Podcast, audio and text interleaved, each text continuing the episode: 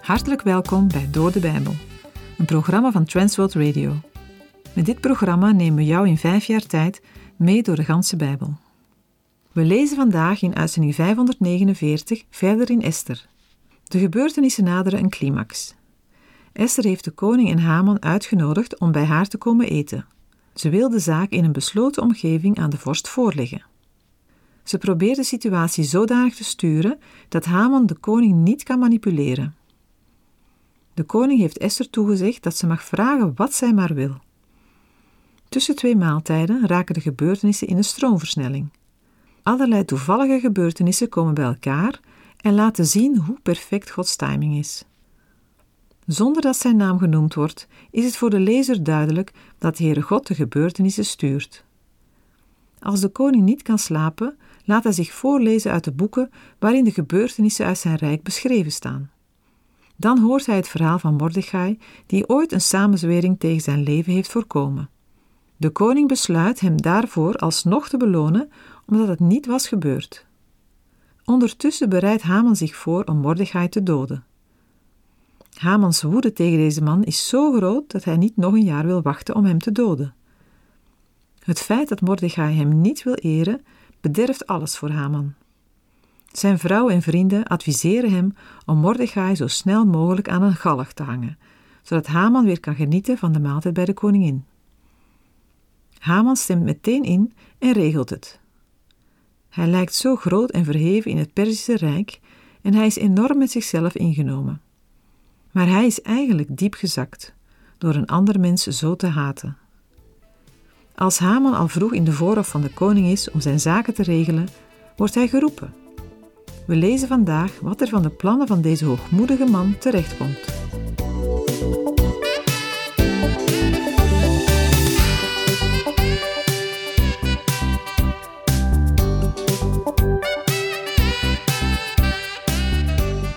In de vorige uitzending hebben we gelezen dat koning Ahasveros niet in slaap kon komen. Daarom besloot hij zich wat te laten voorlezen uit de jaarboeken met de geschiedenis van zijn koninkrijk. Op een gegeven moment hoorde hij de passage waarin stond dat Mordechai een samenzwering had ontmaskerd van twee poortwachters van het paleis die de koning wilden vermoorden. Door de nalatigheid van de koning werd deze nooit bedankt. Hij wilde het meteen rechtzetten. Op hetzelfde moment komt Haman tevoorschijn. Hij was vroeg opgestaan en naar het paleis gegaan om de koning te vragen of hij Mordechai mocht ophangen aan de pas gebouwde galg bij zijn huis. We getuigen van een ironische tegenstelling bij de ontmoeting van koning Ahasveros en zijn eerste minister Haman. Terwijl de haatdragende Haman Mordechai's dood komt regelen, bedenkt de slapeloze koning een manier om de trouwe dienst van Mordechai eervol te belonen. Ahasveros vraagt advies aan Haman, die denkt dat hij zelf de persoon is die de koning wil eren. Esther 6, versen 7 tot en met 9. Daarom zei Haman tegen de koning: voor de man aan wie het de koning behaagt eer te bewijzen, moet men het koninklijke gewaad brengen dat de koning gewoon is zelf te dragen, en het paard waarop de koning gewoon is zelf te rijden. En laat een koninklijke diadeem op zijn hoofd gezet worden. En dan moet men dat gewaad en dat paard in handen geven van iemand uit de vorsten van de koning, de edelen. En dan moet men hem aan wie het de koning behaagt eer te bewijzen, hiermee kleden en hem op dat paard doen rijden over het plein van de stad en voor hem uitroepen: Zo wordt gedaan met de man aan wie het de koning behaagt eer te bewijzen. Het antwoord van Haman laat zien hoe gretig hij is om koninklijke eer en erkenning te krijgen. Hierdoor gedreven beschrijft hij het plechtige koninklijke eerbetoon dat hij voor zichzelf graag zou willen. Bezit en macht heeft hij al, maar publieke erkenning en koninklijke eer ontbreken nog.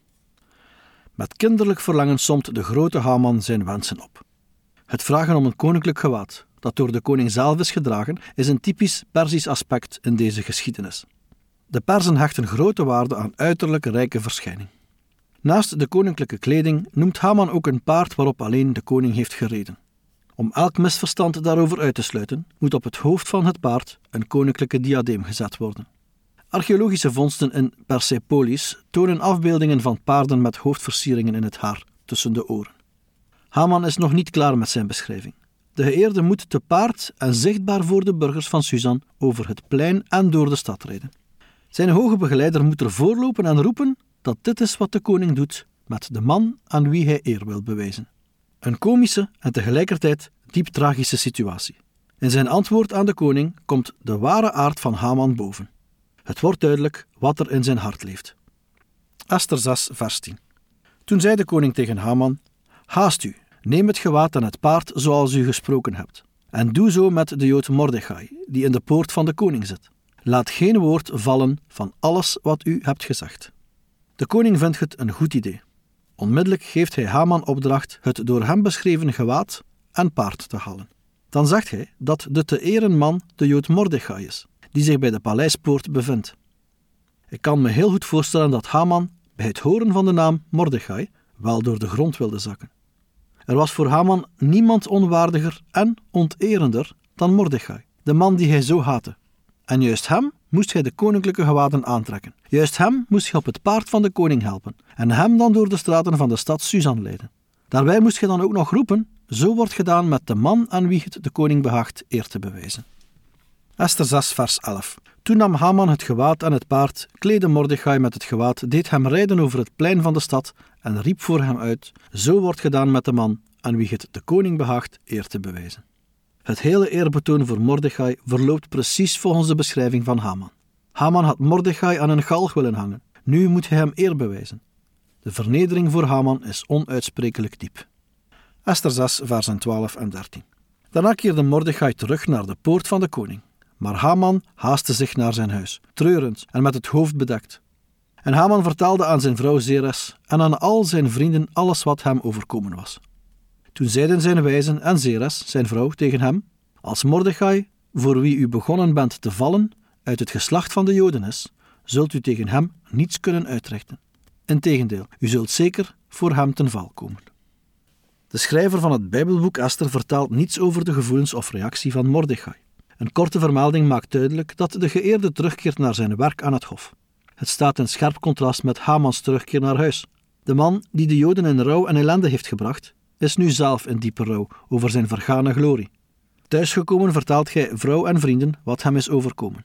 Maar van hen moet je geen troost of steun verwachten. Esther 6, vers 14. Terwijl ze nog met hem spraken, kwamen de hovelingen van de koning eraan en zij haasten zich om Haman naar de maaltijd te brengen die Esther had aangericht. Het gesprek wordt onderbroken door de komst van een aantal dienaren uit het paleis. Ze hebben haast en nemen Haman mee naar het diner met Esther en de koning. Deze keer moet hij door enkele hofleden naar het diner van Esther begeleid worden. Hamans passiviteit aan het slot van hoofdstuk 6 geeft aan dat deze grote manipulator van de koning, die de dood van velen besloot, nu zelf geen controle meer heeft over zijn eigen leven. Hamans diepe vernedering komt voort uit een voortdurende samenloop van omstandigheden. De machtige Haman staat machteloos tegenover een reeks van toevalligheden, die begonnen bij één nacht waarop de koning niet in slaap kon komen. De gebeurtenissen zorgen voor een verandering van de verhoudingen. Mordechai wordt verhoogd, terwijl Haman begint te vallen. Maar het waren geen toevalligheden. Wij leren hier ontdekken dat Gods voorzienigheid de geschiedenis bepaalt en het leven van zijn volk bestuurt. Tegen alle menselijke machten en beraadslagingen in is de Heere werkzaam, en er is geen mens die hem kan tegenhouden. Geen koning, geen Haman en geen wet van meden en persen. De Heere behoedt en beschermt zijn volk door in te grijpen op zijn tijd. Zelfs door schijnbaar onbelangrijke kleine gebeurtenissen komt de Heere tot zijn doel. In Esther 6 zagen we ook de gevolgen van grootheidswaanzin. Wie daaraan leidt is blind en dwaas en komt uiteindelijk ten val. Esther 7 versen 1 en 2 Toen de koning met Haman gekomen was om met koningin Esther te drinken, zei de koning ook op de tweede dag bij het drinken van de wijn tegen Esther: Wat is uw vraag, koningin Esther? Het zal u gegeven worden. En wat is uw verzoek? Het zal ingewilligd worden, al was het ook de helft van het koninkrijk. Net als bij het eerste etentje vraagt Ahasveros, nadat de wijn is ingeschonken, welk verzoek koningin Esther heeft. Bij deze tweede gelegenheid herhaalt de koning voor de derde maal zijn eerder gestelde vraag, met dezelfde royale belofte. Opvallend verschil hierbij is dat Ahasveros haar nu aanspreekt als koningin Esther. Het is een gesprek tussen twee koninklijke personen. Esther reageert beleefd, volgens het protocol, waarmee men verondersteld is de koning te antwoorden. Langzaam maar zeker komt het beslissende moment waarop Esther haar verzoek bekend maakt dichterbij en daarmee ook de onthulling van haar Joodse identiteit. Esther 7, versen 3 en 4. Toen antwoordde koningin Esther en zei: Als ik genade in uw ogen heb gevonden, koning, en als het de koning goeddunkt, dat men mij dan op mijn vraag mijn leven zal geven, en op mijn verzoek het leven van mijn volk. Want wij zijn verkocht, ik en mijn volk, om te worden weggevaagd, gedood en omgebracht.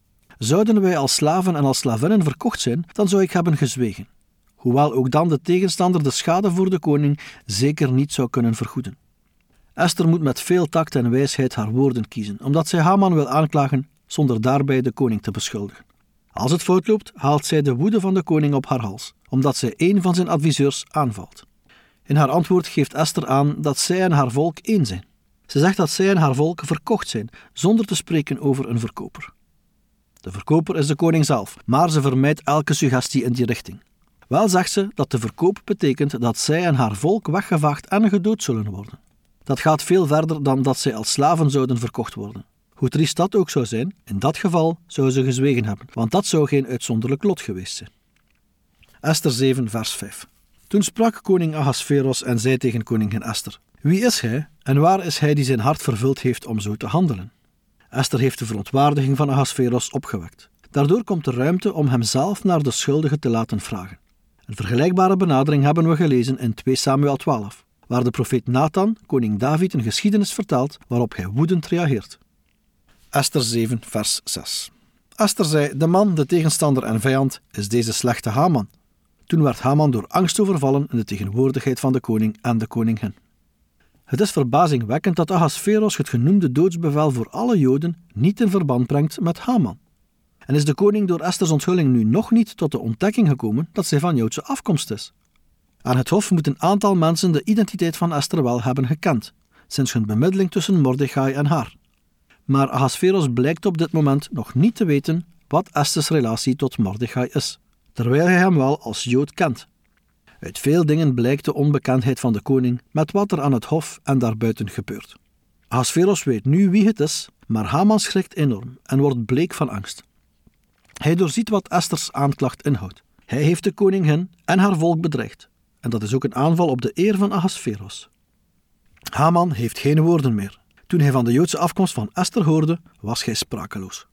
Esther 7, vers 7. Woedend stond de koning op van het drinken van de wijn en ging naar de tuin van het paleis. Haman bleef staan om bij koningin Esther voor zijn leven te smeken, want hij zag dat bij de koning het onheil over hem ten volle besloten was. De koning zit met een moeilijke situatie en wordt gedwongen een keuze te maken tussen Esther's vraag en Hamans wet van Meden en Persen, die niet te herroepen is. Haman staat op en smeekt Esther zijn leven te redden. Hij realiseert zich dat de koning deze dingen niet voorbij zal laten gaan en dat hij daarvoor zal moeten boeten. De trotse Haman, die niet kon verdragen dat de Jood Mordechai niet voor hem boog, valt nu smekend neer voor een Joodse vrouw. Esther 7, vers 8. Toen de koning uit de tuin van het paleis terugkwam in de zaal waar men de wijn gedronken had, was Haman neergevallen op het rustbed waarop Esther lag. En de koning zei: Zou hij ook nog de koningin in huis aanranden in mijn bijzijn? Toen dit woord uit de mond van de koning was gekomen, bedekte men het gezicht van Haman. Haman had na het vertrek van Ahasveros ook moeten weggaan. Maar waarheen? Zijn wanhoop drijft hem tot dwaasheid en zo valt hij neer op de rustbank waarop Esther zich bevindt. Juist op het moment waarop de koning uit de paleistuin terugkwam. Onmiddellijk trekt de koning zijn onjuiste conclusie en beschuldigt Haman van aanranding van de koningin. Een dubbele misdaad en een persoonlijke belediging.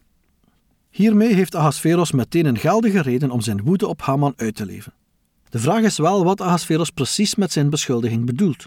Het haremprotocol bepaalde dat geen enkele man met een vrouw uit de harem alleen mocht zijn. Zelfs in bijzijn van anderen was het een man, ook een eunuch, niet geoorloofd om binnen een afstand van zeven stappen tot een vrouw uit de harem van de koning te naderen, om met haar te spreken. Het gaat dus hoogstwaarschijnlijk niet om een aanranding of verkrachting. De omkering is duidelijk waarneembaar. Haman, die het Joodse volk vals heeft beschuldigd, wordt nu zelf vals beschuldigd. Na de beschuldiging van Ahasveros wordt onmiddellijk Hamans gezicht bedekt. Waarschijnlijk was het de gewoonte om het gezicht van een beschuldigde en veroordeelde te bedekken, hoewel daarover duidelijke gegevens ontbreken. Esther 7, versen 9 en 10. En Harbona, een van de hovelingen die in dienst stond van de koning, zei: Zie, ook de galg die Haman heeft gemaakt voor Mordechai, die goed voor de koning gesproken heeft, staat bij het huis van Haman, 50 el hoog. Toen zei de koning: Hang hem daaraan. Toen hingen zij Haman aan de galg die hij voor Mordechai had laten oprichten. Toen bedaarde de woede van de koning. Harbona meldt de extreme afmetingen van de galg en ook dat deze oorspronkelijk bedoeld was voor Mordechai. De dienaar vertelt de koning niet wat hij moet doen. Maar zijn mededeling is zo suggestief dat Ahasveros erop ingaat en bevel geeft Haman aan de halg bij zijn huis op te hangen. Opnieuw heeft de koning geen eigen, zelfstandige beslissing genomen. Haman wordt opgehangen aan de galg die hij voor Mordechai had gebouwd. Zijn geschiedenis laat de grote waarheid zien, die overal in Gods woord is te vinden. In Galaten 6, vers 7 staat: Dwaal niet, God laat niet met zich spotten, want wat de mens zaait, zal hij ook oogsten. Hoewel Gods naam in het Bijbelboek Esther niet wordt genoemd, loopt zijn voorzienigheid als een rode draad door de hele geschiedenis. Op beslissende momenten grijpt de Heer in en brengt hij een onverwachte omkering teweeg. Haman is nu gevallen, maar het gevaar voor de Joden blijft na zijn dood voortbestaan. Toch is gebleken dat God de geschiedenis bestuurt. Dat geeft Esther en de andere Joden hoop op uitredding, hoewel de onmiddellijke situatie nog steeds dreigend is. Dit deel van Esters geschiedenis toont ook dat de Heer in zijn rechtvaardigheid de zonde niet ongestraft laat. Onverzadigbare begeerte, onbeteugelde trots en eerzucht worden oorzaak van vernedering en leiden uiteindelijk tot de ondergang. We ontdekken ook dat Gods soevereine macht werkzaam is tegen de vijandelijke machten. Dat gebeurt vaak onzichtbaar, maar voor wie er oog voor heeft, is het wel merkbaar.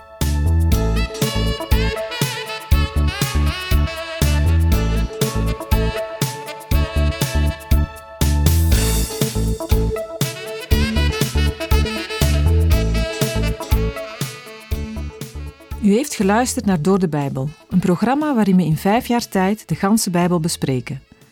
De basis voor het programma is de Bijbelstudiereeks van Dr. Vernon McGee, Through the Bible. Deze werd in het Vlaams vertaald en bewerkt door Transworld Radio. U kan elke werkdag naar een nieuwe uitzending luisteren en u kan ook steeds voorbije uitzendingen opnieuw beluisteren of downloaden.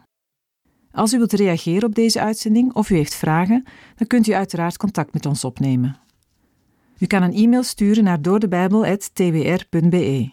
Verder kan u op onze site terecht, www.twr.be, voor meer info en het beluisteren van onze overige programma's. Dit programma werd gepresenteerd door Patrick Couchement en Anne Notenboom. Wij danken u voor het luisteren en graag tot een volgende keer.